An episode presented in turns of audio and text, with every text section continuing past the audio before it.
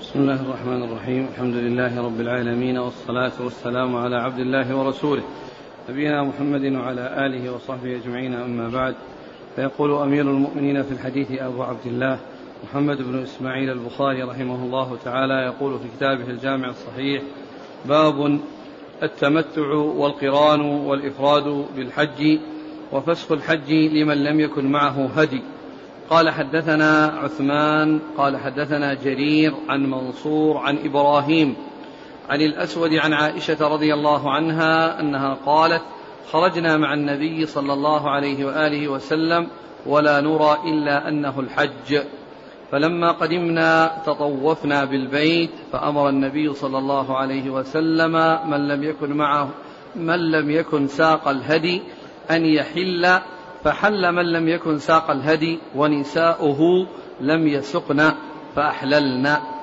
قالت عائشة رضي الله عنها فحضت فلم أطف بالبيت فلما كانت ليلة الحصبة قالت يا رسول الله يرجع الناس بعمرة وحجة وأرجع أنا بحجة. قال وما طفت ليالي قدمنا مكة.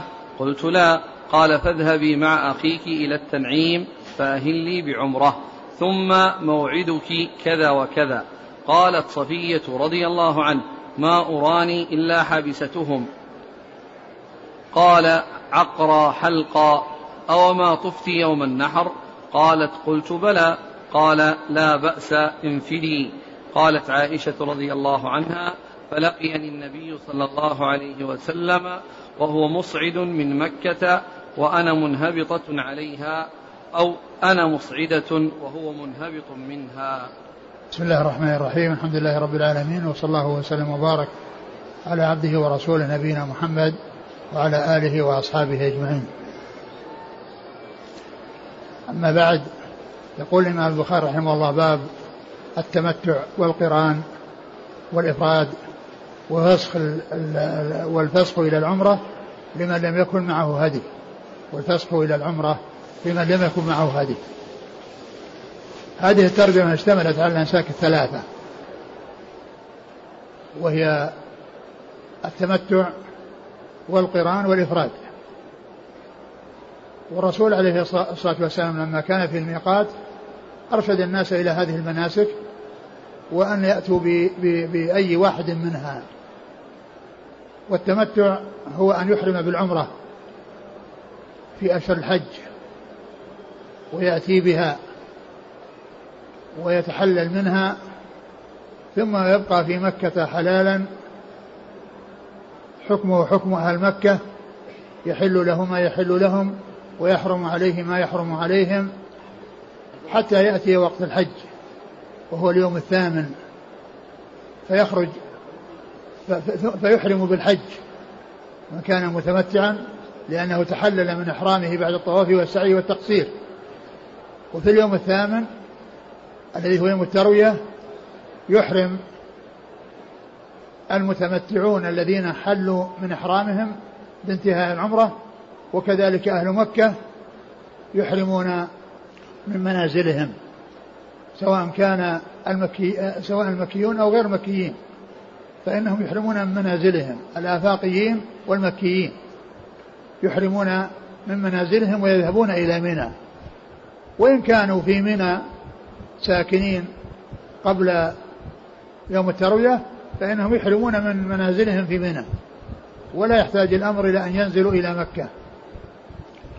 ثم يأتي المتمتع الذي أحرم بالحج من مكة وقد أحرم بالعمرة من الميقات وانتهى منها يأتي بأعمال الحج من أولها إلى آخرها وعليه هدي. إن استطاع وإلا صام ثلاثة أيام في الحج وسبعة إذا رجع إلى أهله. وهذا في غير لغير أهل مكة. أما أهل مكة فإنه ليس عليهم هدي ولا صيام. وأما غيرهم من الآفاقيين فعليهم الهدي إن استطاعوا وإلا تحولوا من الهدي إلى صيام عشرة أيام ثلاثة في الحج وسبعة إذا رجعوا. هذا هو التمتع. أما القران فهو أن يحرم بالحج والعمرة من الميقات وينويهما بقلبه وإن تلفظ بلسانه فإن ذلك سائر فيقول لبيك عمرة وحجا أو لبيك حجا وعمرة. فينويهما جميعا ويلبي بهما. ويستمر يلبي وإذا آه، وصل إلى مكة طاف طواف القدوم وسعى بين الصفا والمروة وبقي على إحرامه إلى يوم العيد. فإذا رمى الجمرة وحلق رأسه ونحر هديه فإذا رمى الجمرة وحلق رأسه فإنه يتحلل التحلل الأول الذي يحل معه كل شيء حتى النساء إلا النساء. وأما ما يتعلق بالنحر فإنه لا علاقة له بالتحلل لأن النحر لا يلزم جميع الحجاج وإنما يلزم صنفين من الحجاج وهم المتمتعون والقارنون. أما المفردون فإنه لا هدي عليه لا هدي عليهم. المفردون لا هدي عليهم. وعلى هذا فإن القارن إذا رمى الجمرة يوم العيد وحلق رأسه فإنه يتحلل التحلل الأول الذي يحل معه كل شيء إلا النساء. وعليه ويأتي بأعمال الحج. وعليه وعليه هدي كالمتمتع. وعليه هدي كالمتمتع. لأن الرسول عليه الصلاة والسلام يعني ساق الهدي وأهدى وهو قارن. ولأن الله عز وجل قال فمن تمتع بالعمرة إلى الحج فما استيسر من الهدي.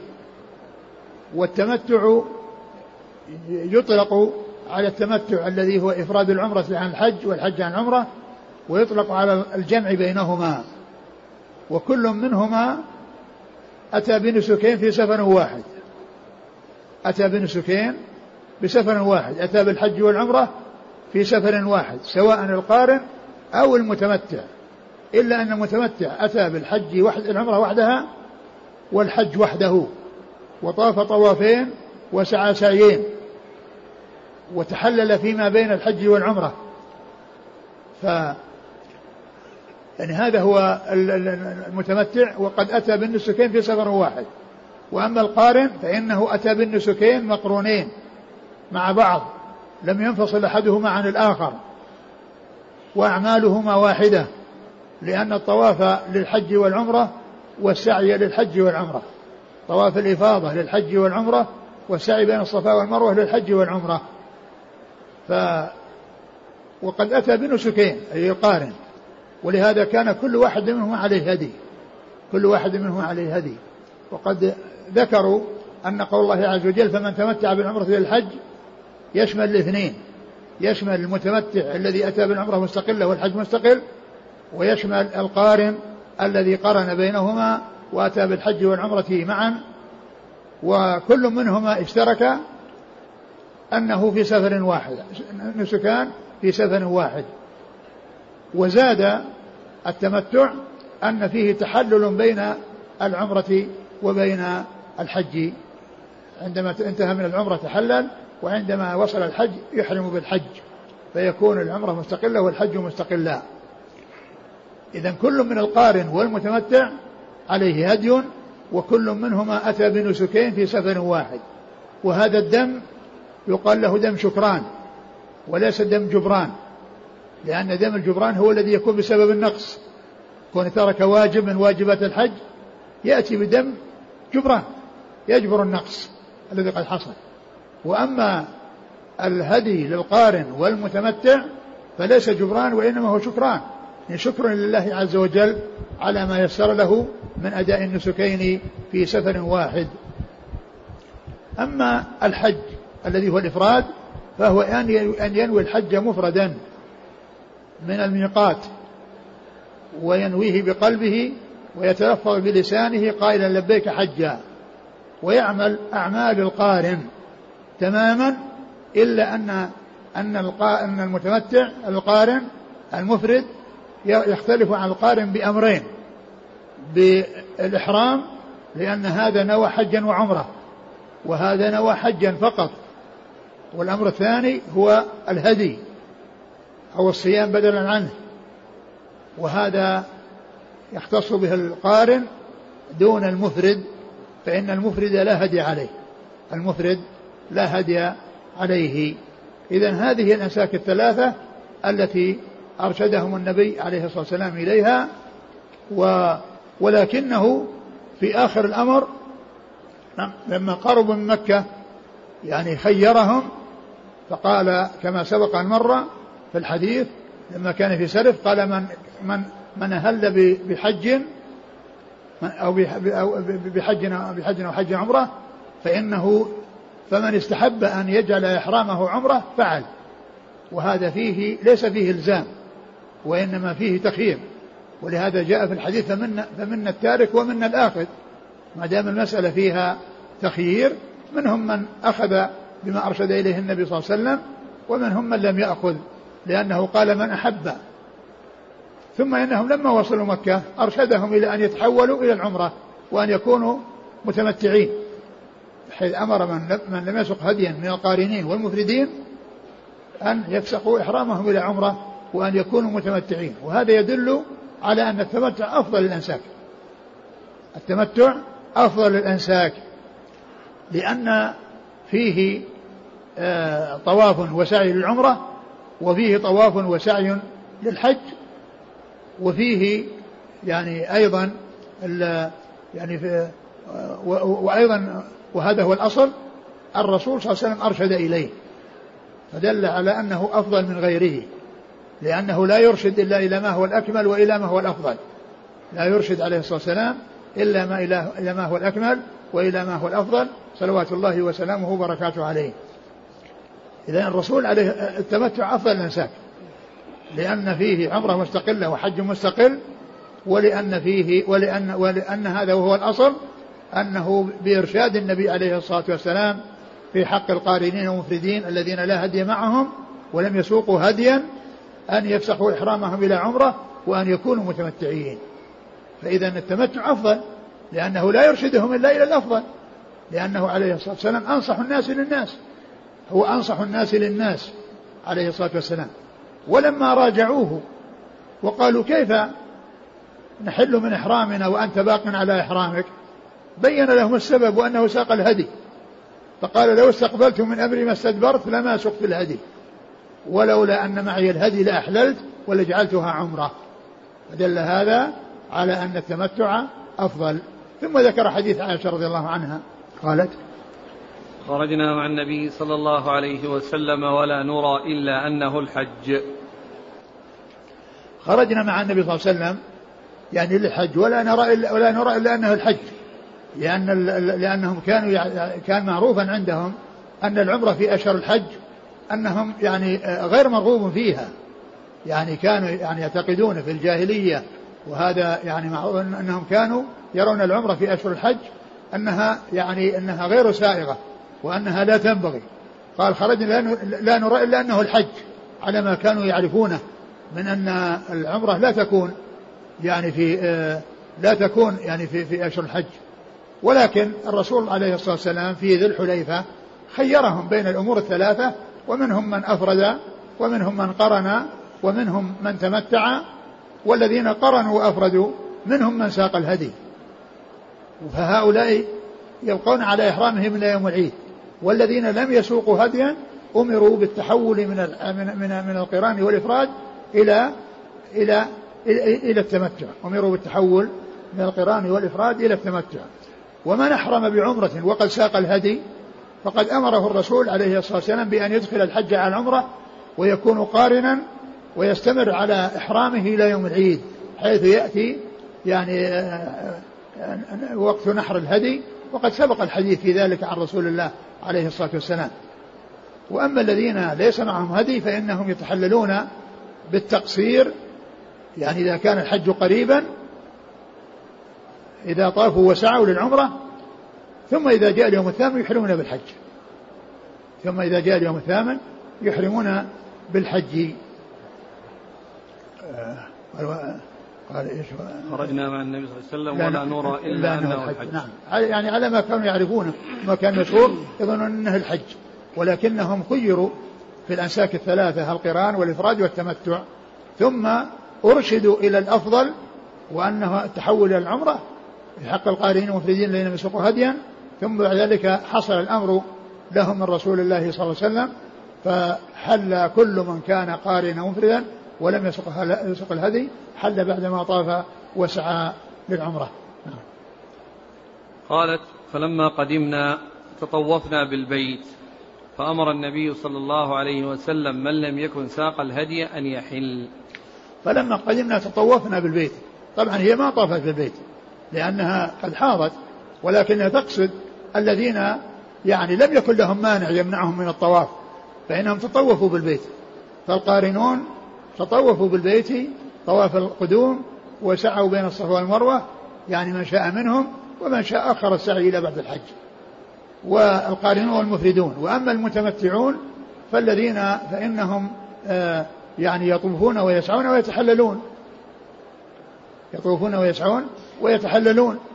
و فإذا قول عائشة تطوفنا تحكي أو تعني الذين كانوا يعني آه لم يحصل لهم عذر أو لم يحصل مانع يمنع كالذي حصل لها لأنها لم تطف بالبيت ولم تطف بين الصفا والمروة لأنه يأتي بعد الطواف. ف وإنما آه آه لم تتمكن من من الاتيان بالعمرة التي أحرمت بها مثل أمهات المؤمنين. لأن أمهات المؤمنين كن متمتعات وهي منهن إلا أنها هي حاضت فلم تتمكن من أداء العمرة مستقلة قبل الحج. ولما جاء الحج أمرها عليه الصلاة والسلام بأن تدخل الحج على العمرة وتكون بذلك قارنة لأنها لم تتمكن من أداء العمرة قبل الحج والحج قد وصل ولا بد من فعله في وقته فإذا أدخلت الحج على العمرة وصارت بذلك قارنة كما سبق أن مر بنا الحديث في ذلك. فقولها تطوفنا لا تعني نفسها وإنما تعني من كان يمكنهم التطوف ومن يمكنهم الطواف من القارنين والمفردين والمتمتعين. فحل من لم يكن ساق الهدي ونساؤه لم يسقن فأحللنا. فحل من لم يكن ساق الهدي يعني الذين لم يسوقوا الهدي وقد أحرموا بحج وعمرة فسحوا إلى عمرة وتحللوا. بطوافهم وسعيهم. وأما نساء النبي صلى الله عليه وسلم فقد أحرمنا بعمرة وتحللنا بعد ما طفنا وسعينا. أما عائشة فبقيت على إحرامها لأنها ما يمكنها دخول البيت والطواف فيه. نعم. ونساؤه لم يسقن فأحللنا. نساؤه لم يسقن يعني ما سقنا هدي وإنما أحرمنا بعمرة يعني أحرمنا من الميقات بعمرة متمتعات فأحللنا. لأن المعتمر إذا طاف وسعى يتحلل. قالت عائشة رضي الله عنها فحظت فلم أطف فلم أطف بالبيت فلما كانت ليلة الحصبة قالت يا رسول الله يرجع الناس بعمرة وحجة وأرجع أنا بحجة قال أخبرت عائشة بأنها لم تطف بالبيت كالذين طافوا أول الأمر لأنها ممنوعة بسبب الحيض لا تتمكن بسبب الحيض. وهي لم تطف. ويعني بعد ذلك يعني اختصر ولم يذكر الذي قد حصل بعد ذلك ولكنه جاء في الروايات الأخرى التي سبق أن مرت أنه أمرها أن تغتسل وتمشط رأسها وتدخل الحج العمرة وتصير قارنة وتصير بذلك قارنة. وقد أدت الحج مع الناس وشهدت المشاهد كلها فوقفت بعرفة وباتت مزدلفة وجاءت إلى منى وقد قد طهرت فطافت بالبيت وسعت بين الصفا والمروة يعني في يعني في في, في يوم العيد. طافت وسعت وتحللت من من من, من, من, من تحللت من من من الحج والعمرة الذي هو قران. لأن المتمتع القارن إذا جاء يوم العيد ويتحلل التحلل الأول من حجه وعمرته لأن الحج والعمرة مقترنان. لا ينفك أحدهما عن الآخر. وأخبرت بأنه لما كان ليلة الحصبة وهي ليلة الرابع عشر حيث خرجوا من منى خرج رسول الله صلى الله عليه وسلم من منى بعدما رمى الجمرة بعد الزوال ونزل في المحصب وهو المكان الذي نزل فيه في الأول لما قدم مكة. ف فقالت للنبي صلى الله عليه وسلم يرجع الناس بحج وعمرة يعني يعني الناس الذين هم آه، متمتعون. وأما قارنون هي منهم. هي القارنون هي منهم لأنها قرنت بين الحج والعمرة كما فعل كما هو فعل رسول الله صلى الله عليه وسلم وغيره من القارنين والمفردين الذين معهم هدي. قد يرجع الناس بحج وعمرة وعمرة وأنا لا أرجع إلا بحج. يعني لأنها أرادت العمرة المستقلة والحج المستقل. وإلا فإنها رجعت بحج وعمرة. رجعت بحج وعمرة لأن المتمتع القارن حصل منه الاثنان إلا أنهما مقترنان مقترنان لم ينفك أحدهما عن الآخر. يرجع الناس بحج وعمرة وأرجعوا بحج يعني أمهات المؤمنين وغيرهم من المتمتعين الذين طافوا وسعوا للعمرة ثم أحرموا وطافوا وسعوا للحج عندهم زيادة عمل أكثر من عمل القارن لأن المتمتع عنده طواف وسعي لعمرته وطواف وسعي لحجه.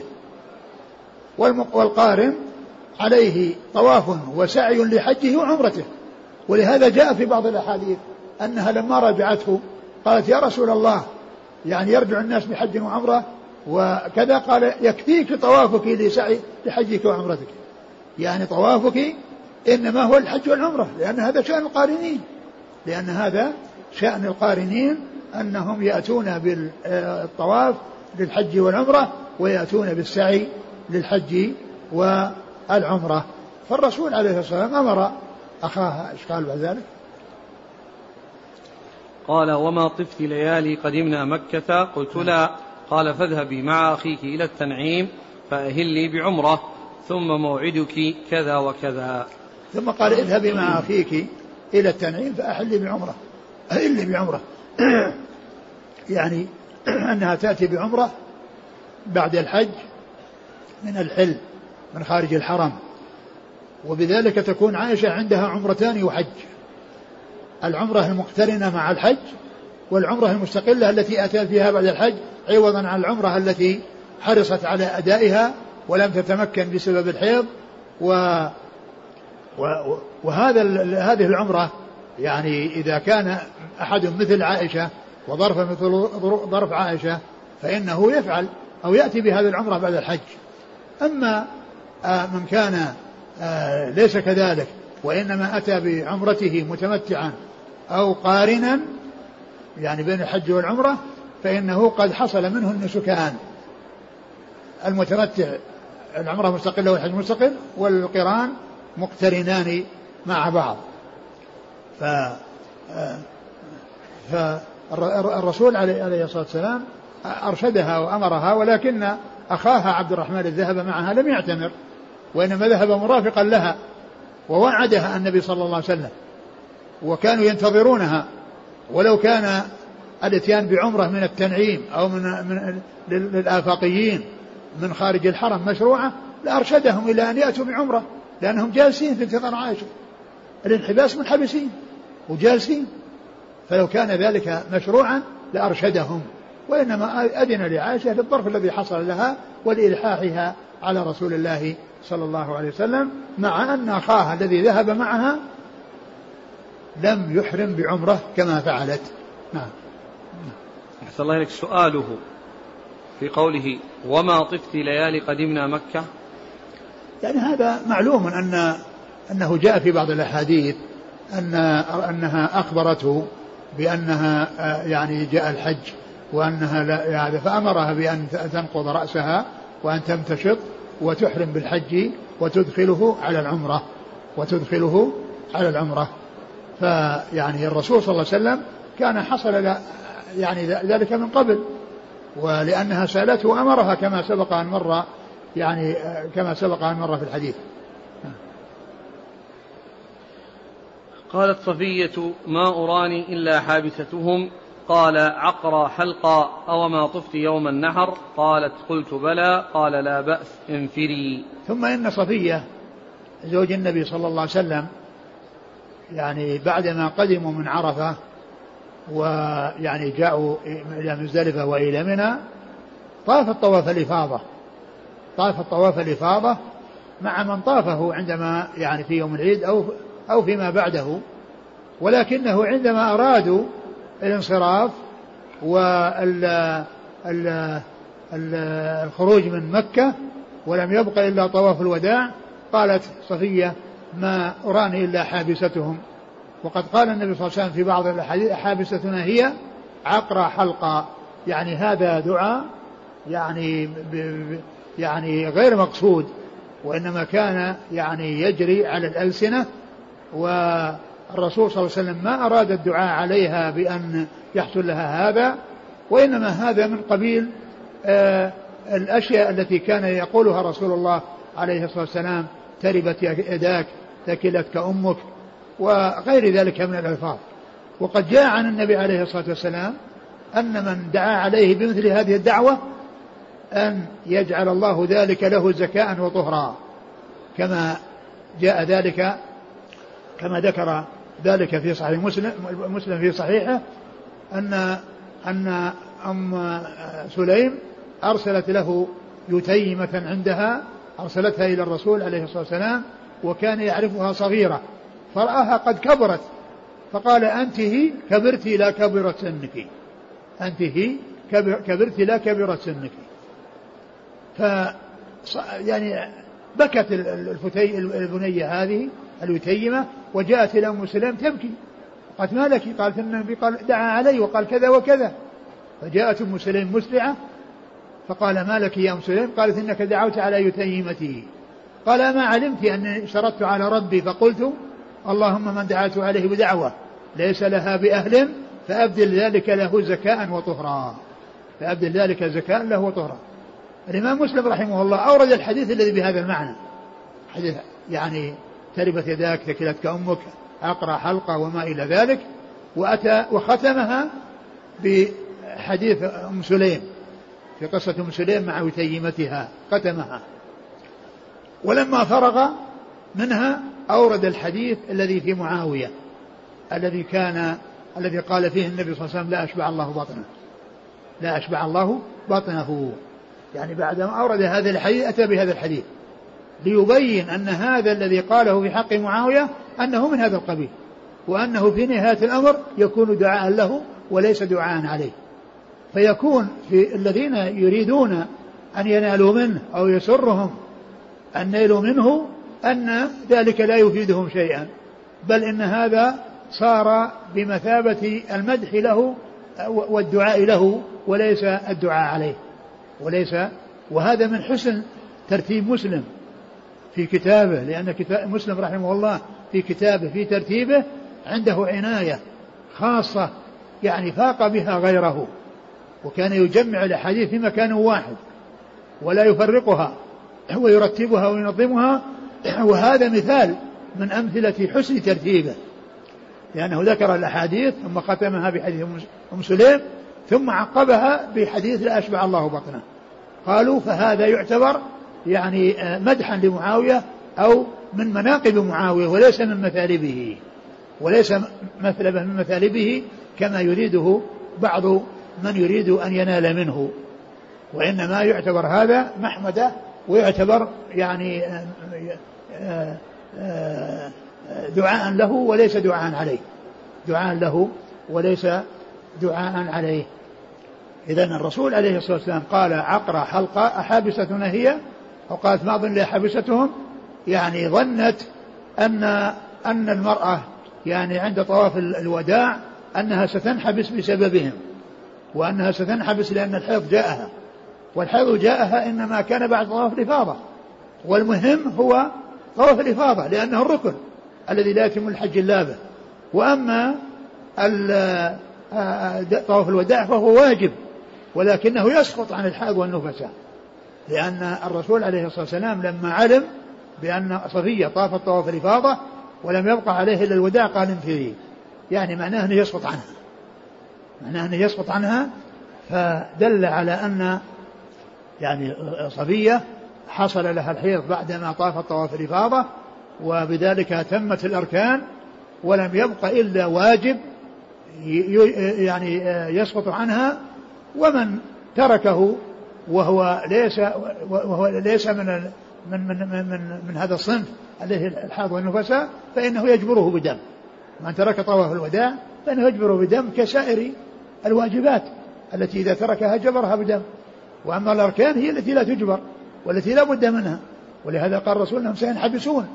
أو قالت هي أنها أنها حبستهم يعني لأنها لأنها يعني ظنت أن طواف الوداع يعني أنه يحتاج إلى أن يكون على طهارة والرسول عليه الصلاة والسلام سأل يعني أو أخبر بأنها طافت طواف الإفاضة قال انفري يعني معناها خلاص ما يلزمها طواف وداع يسقط عنها طواف الوداع نعم. قالت عائشة رضي الله عنها فلقيني النبي صلى الله عليه وسلم وهو مصعد من مكة وأنا منهبطة عليها أو أنا مصعدة وهو منهبط منها.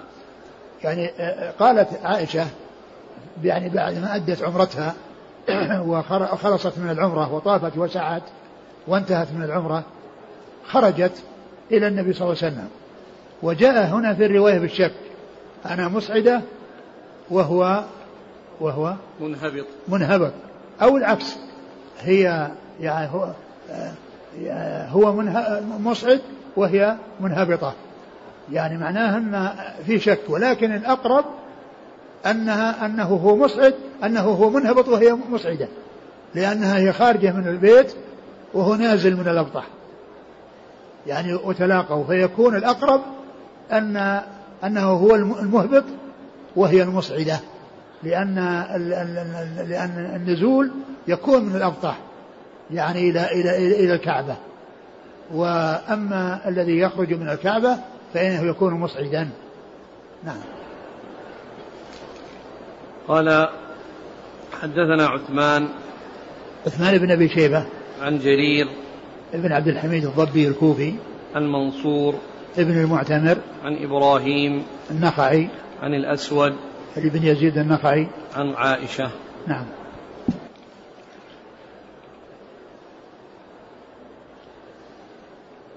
قال حدثنا عبد الله بن يوسف قال أخبرنا مالك عن أبي الأسود محمد بن عبد الرحمن بن نوفل عن عروة بن الزبير عن عائشة رضي الله عنها أنها قالت خرجنا مع رسول الله صلى الله عليه وسلم عام حجة الوداع فمنا من أهل بعمرة ومنا من أهل بحجة بحجة وعمرة ومنا من أهل بالحج. ثم ذكر وأهل رسول الله صلى الله عليه وسلم بالحج فأما من أهل بالحج أو جمع الحج والعمرة لم يحلوا حتى كان يوم النحر. ثم ذكر حديث عائشة أنها قالت خرجنا مع رسول الله صلى الله عليه وسلم فمنا المهل بالحج ومنا المهل بالعمرة ومنا المهل بالحج والعمرة وهذا بإرشاد رسول الله صلى الله عليه وسلم لأنه هو الذي أرشدهم إلى هذا في أول الأمر وفي ذي الحليفة فصار منهم من أهل بحج مفردا ومنهم من أهل بحج وعمرة قارنا ومنهم من أهل بعمرة يعني متمتعة. نعم. إيش بعده؟ قالت وأحرم. وأهل الرسول صلى الله عليه وسلم بالحج. وأهل النبي صلى الله عليه وسلم بالحج. الرسول أهل بالقران. وأهل بالحج والعمرة. وهذا هو الذي كثرت فيه الأحاديث عن رسول الله عليه الصلاة والسلام. وجاء في بعضها أنه تمتع وجاء في بعضها أنه حج. وهذا فيه أنه حج وأنه أحرم بالحج. أي, أي الإفراد. ومعلوم أن الرسول صلى الله عليه وسلم كما كثرت بذلك الأحاديث أنه قارن وليس بمفرد كما يشعر إليه. فحمله بعض العلماء على في هذا على أن على أن الرسول صلى الله عليه وسلم أحرم بالحج والعمرة ومنهم من سمع الحج لفظ الحج والعمرة معا ومنهم من سمع الحج فقط. فكل حكى ما سمعه ولكن الذي توافرت عليه الأحاديث وتضافرت عليه الأحاديث وتعددت وكثرت أنه كان قارنا. فإذا يحمل من كان قول من قال أنه يحمل ما جاء من الحديث على أنه حج على أنه يعني كان تلفظ بهما وأن من الناس من سمع الاثنين ومنهم من سمع الحج وحده. ومنهم من سمع الحج وحده. ف أو يكون أو أو يكون أنه أحرم بالحج أولا ثم أضاف إليه العمرة. نعم. فأما من أهل بالحج أو جمع الحج والعمرة لم يحلوا حتى كان يوم النحر. فأما من أهل بالحج أو الحج والعمرة فلم يحلوا إلا يوم النحر. يعني ممن ساق الهدي. المقصود بذلك الذين ساقوا الهدي. هم الذين لم يحلوا. أما الذين لم يسوقوا هديا من القارين المفردين فقد أمروا بأن يتحولوا إلى عمرة وأن يكونوا متمتعين. إذا هذا الذي جاء في هذا الحديث من ذكر القارنين والمفردين أنهم بقوا على إحرامهم هذا يراد به من كان ساق الهدي فقط. أما من لم يسقه فقد أمره النبي صلى الله عليه وسلم بأمرهم النبي عليه الصلاة والسلام أن يتحولوا أو يحولوا إحرامهم من القران والإفراد إلى العمرة وأن يكونوا متمتعين. قال حدثنا عبد الله بن يوسف التنيسي. عن مالك عن أبي الأسود محمد بن عبد الرحمن بن نوفل نعم. عن عروة عن عائشة. نعم. قال حدثنا محمد بن بشار قال حدثنا غندر قال حدثنا شعبة عن الحكم عن علي بن حسين عن مروان بن الحكم قال شهدت عثمان وعليا رضي الله عنهما وعثمان ينهى عن المتعة وأن يجمع بينهما فلما رأى علي أهل بهما لبيك بعمرة وحجة.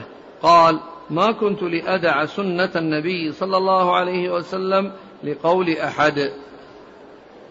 ثم إن ثم إنه جاء هذا الحديث عن عن عن عن عثمان وعلي عن علي.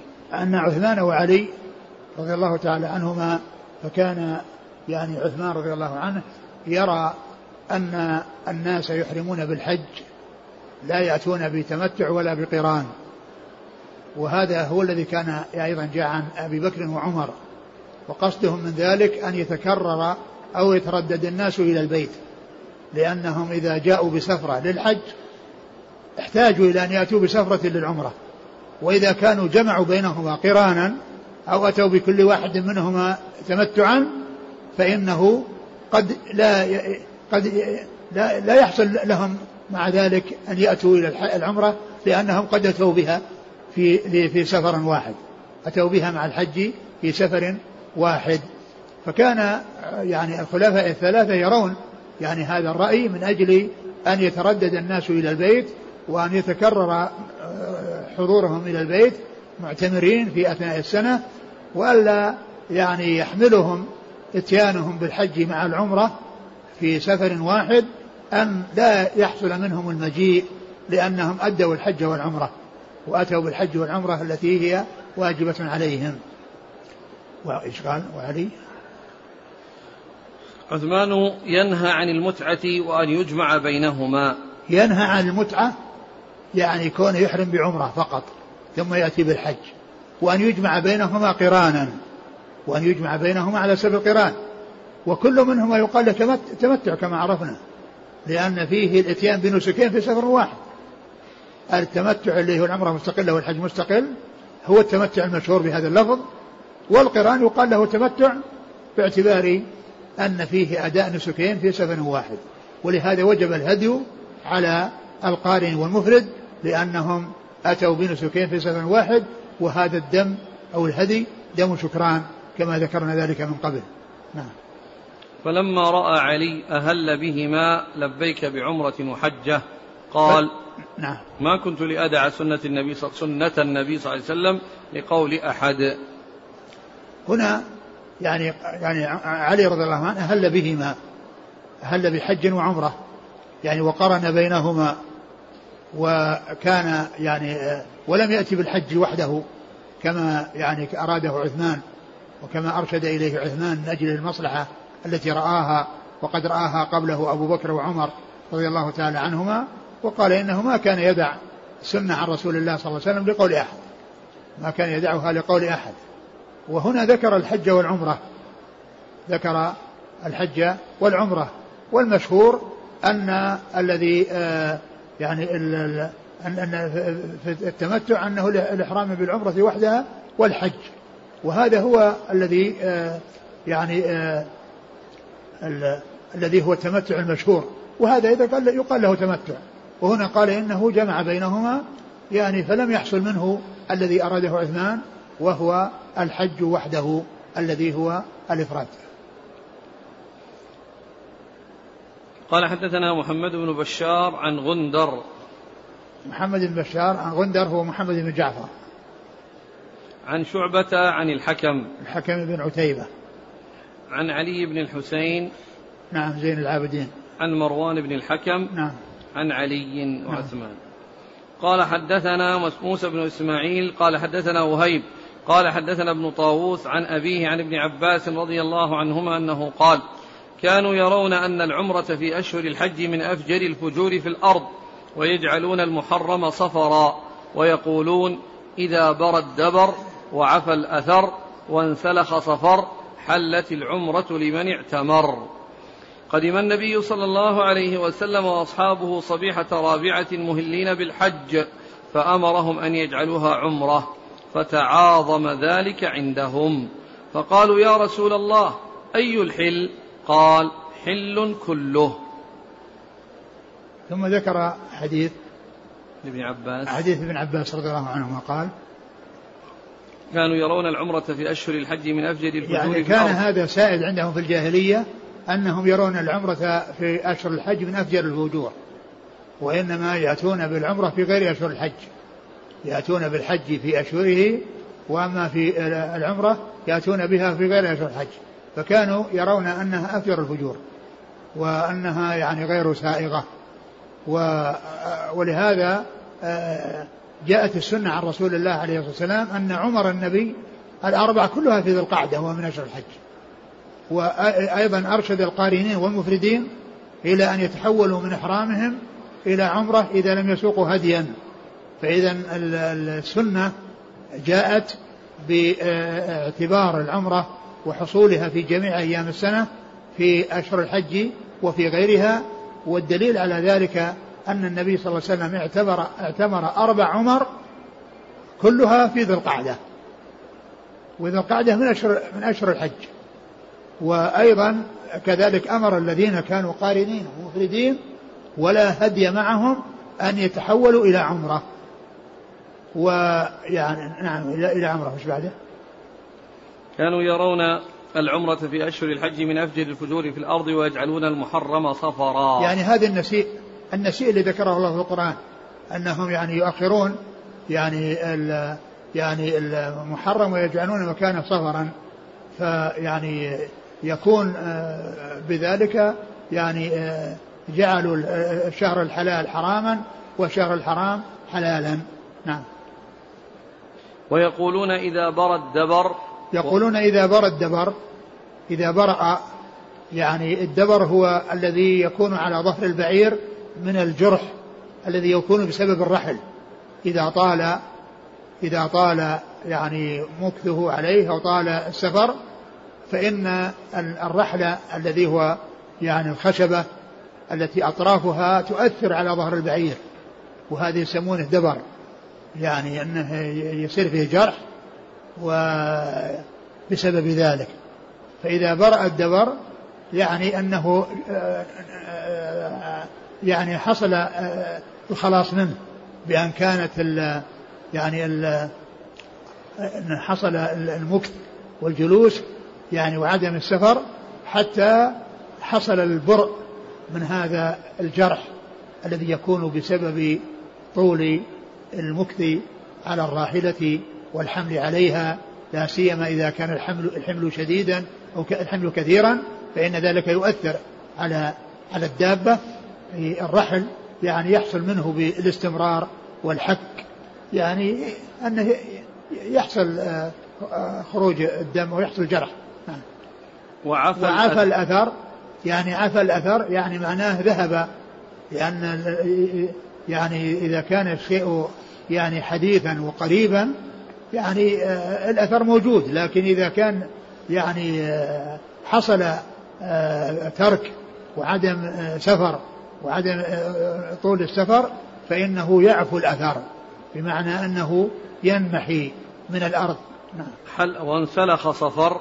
وانسلخ صفر الذي أخروه وأنسأوه وجعل لا تكون في في أشهر الحج.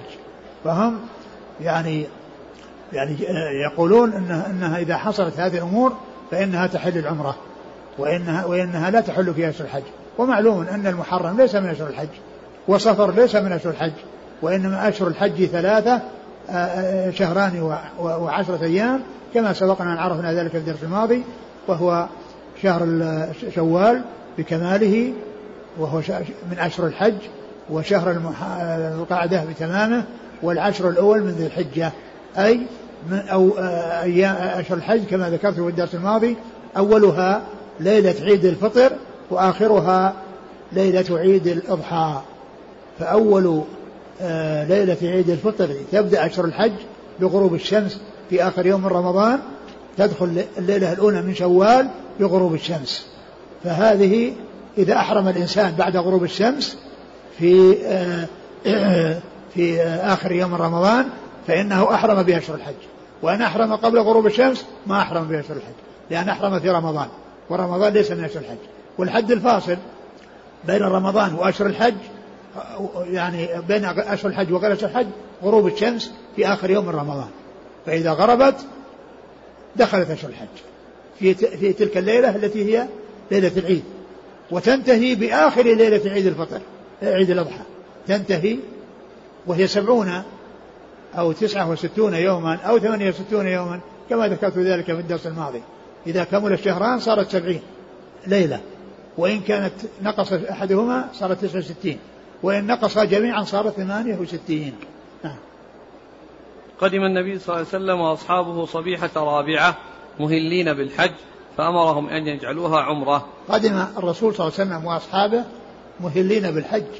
يعني والمقصود ذلك الذين ما ساقوا هديا. الذين لم يسوقوا هديا أمرهم بالعمره بأن يفسخوا حرامهم إلى عمرة ويكونوا متمتعين.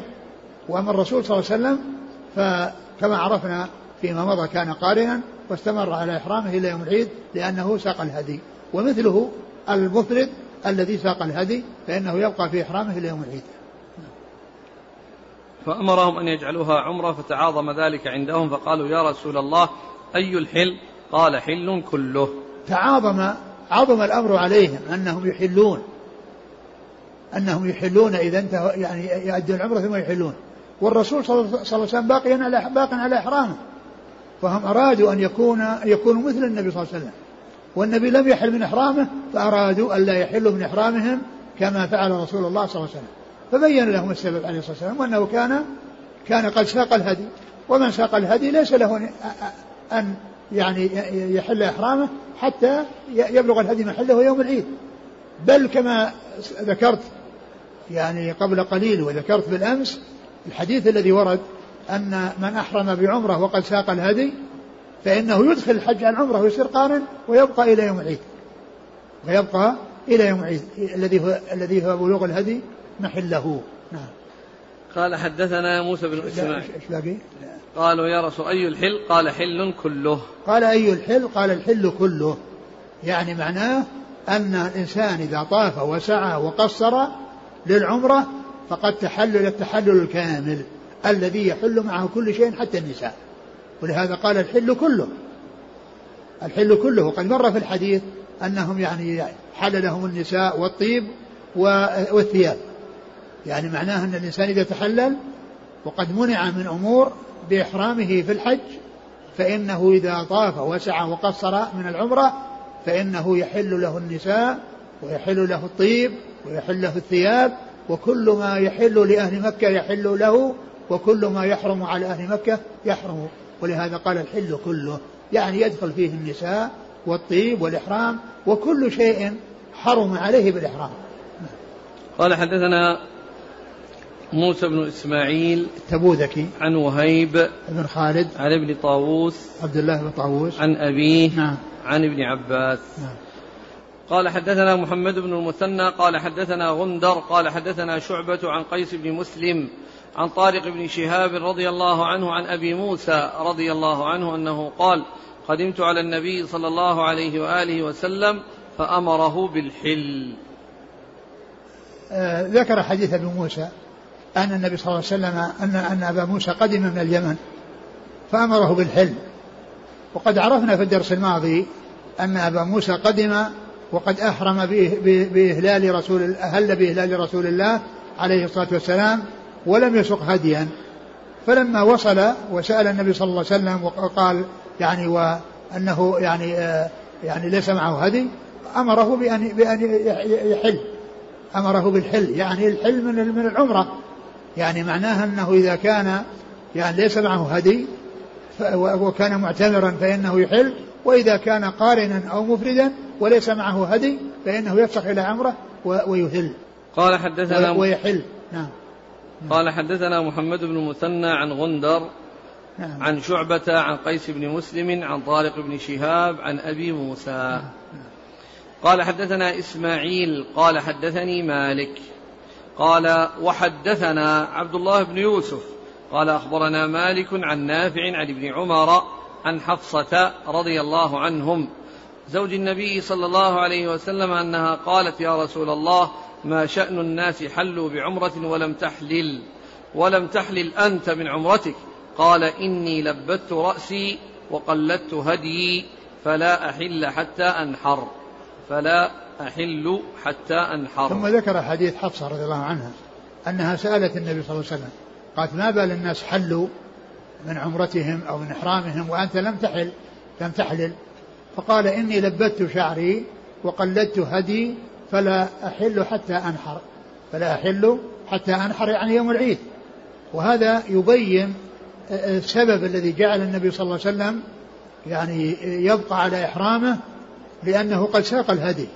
والذي ساق الهدي يبقى على إحرامه إلى يوم العيد. بل كما قلنا أن الإنسان إذا أحرم بعمرة وقد ساق الهدي يدخل حج العمرة حتى يبقى إلى يوم العيد. حتى يبقى إلى يوم العيد. فبين النبي صلى الله عليه وسلم السبب في هذا وأنه قد ساق الهدي ومن ساق الهدي ليس له أن يحل قبل يوم العيد. ليس له أن يحل من إحرامه قبل يوم العيد حيث يرمي الجمرة ويحلق رأسه ويتحلل التحلل الأول.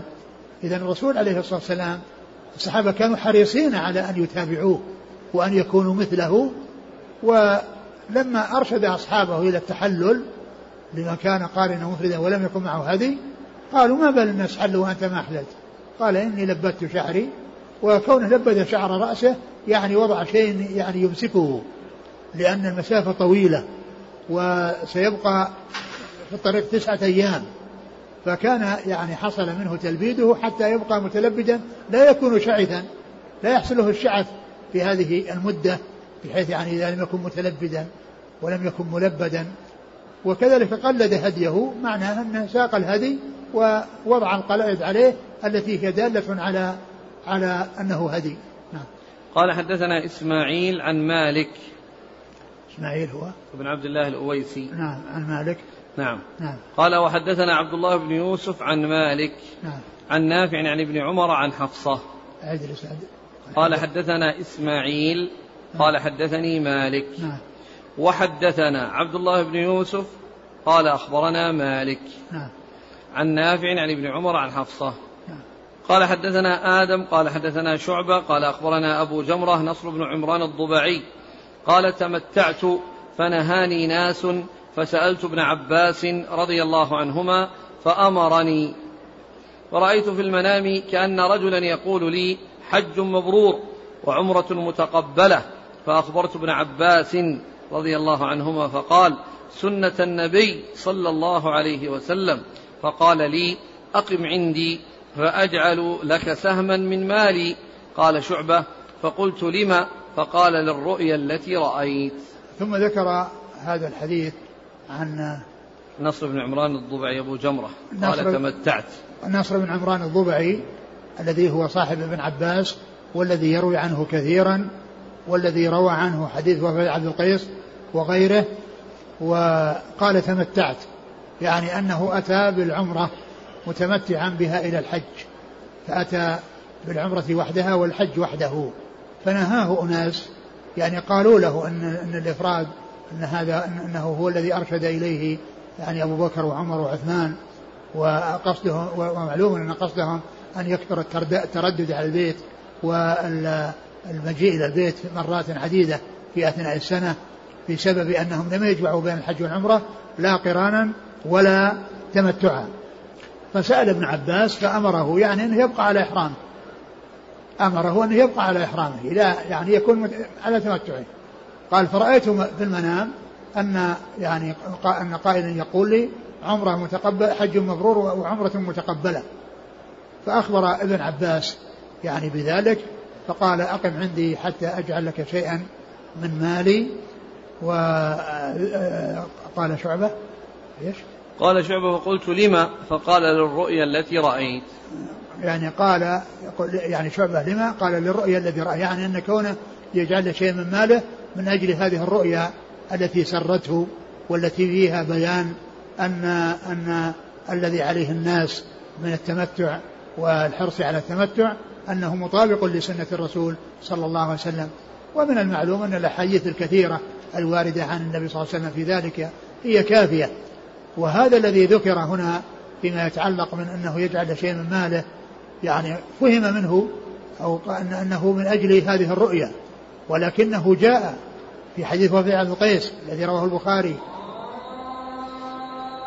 والظاهر أنه ليس أن أن أعطاه شيء من المال من أجل هذه الرؤيا وإنما يعني لما رأى هذه الرؤيا وسرته أحب أن يبقى معه وأن يعني يجلس معه ليبلغ عنه الناس كما سبق أن مر في الحديث أنه قال ألا أعطيك شيئا من مالي؟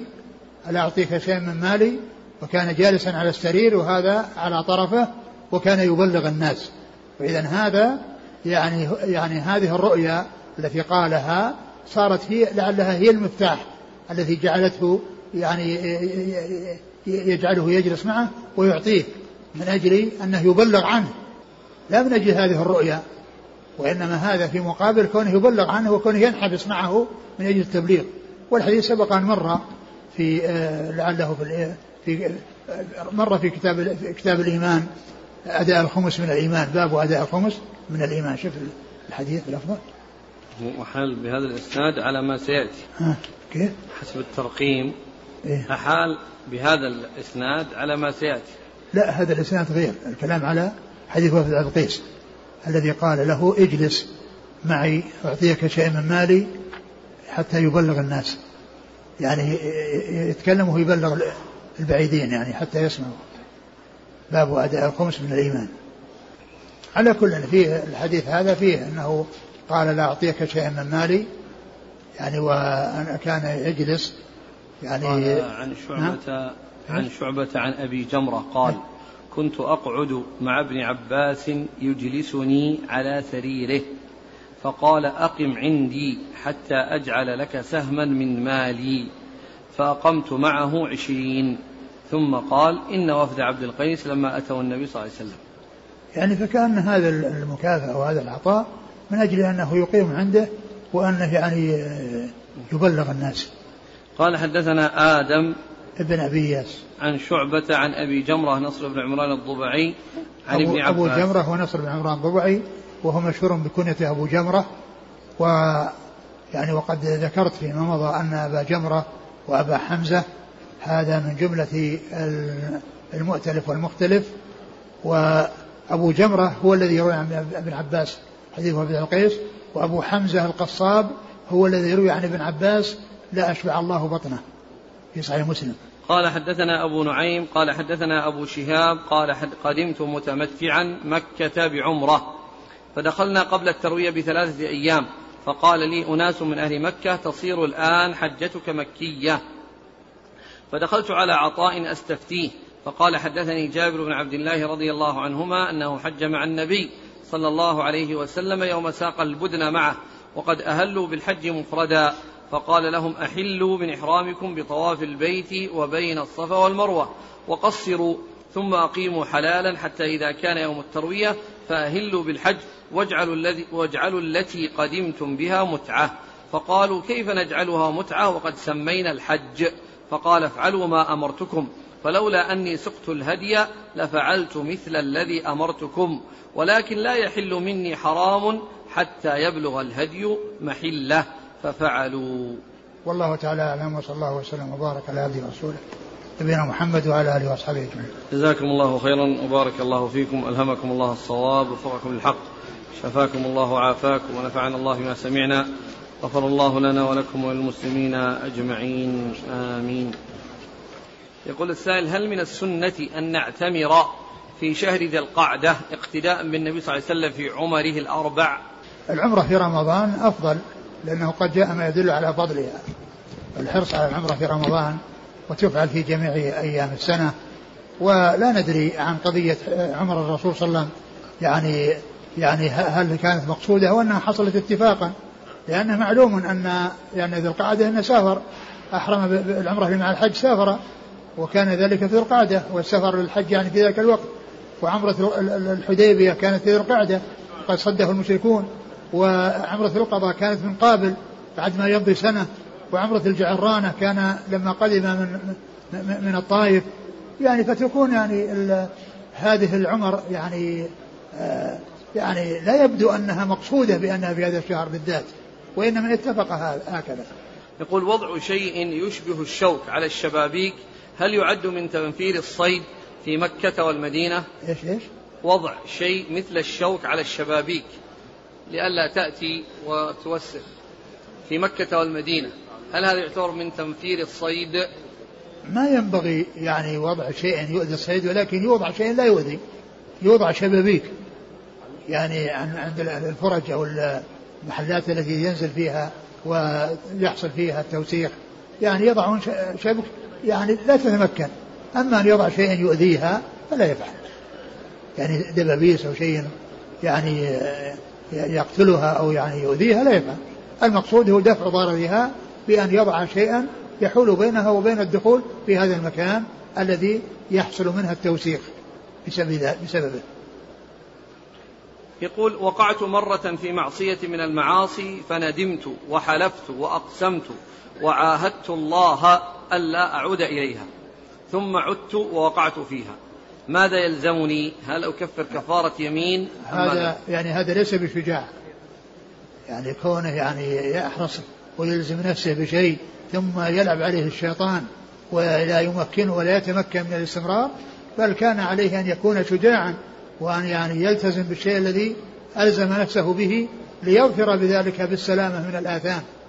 و وما دام أنه لم يحصل منه التنفيذ فإن عليه كفارة يمين ولكنه عليه أنه يبتعد عن المعاصي ويحرص على التخلص منها والابتعاد عنها ولا يتهاون فيها لأن الجنة لأن النار حفت بالشهوات كما قال ذلك رسول الله صلى الله عليه وسلم.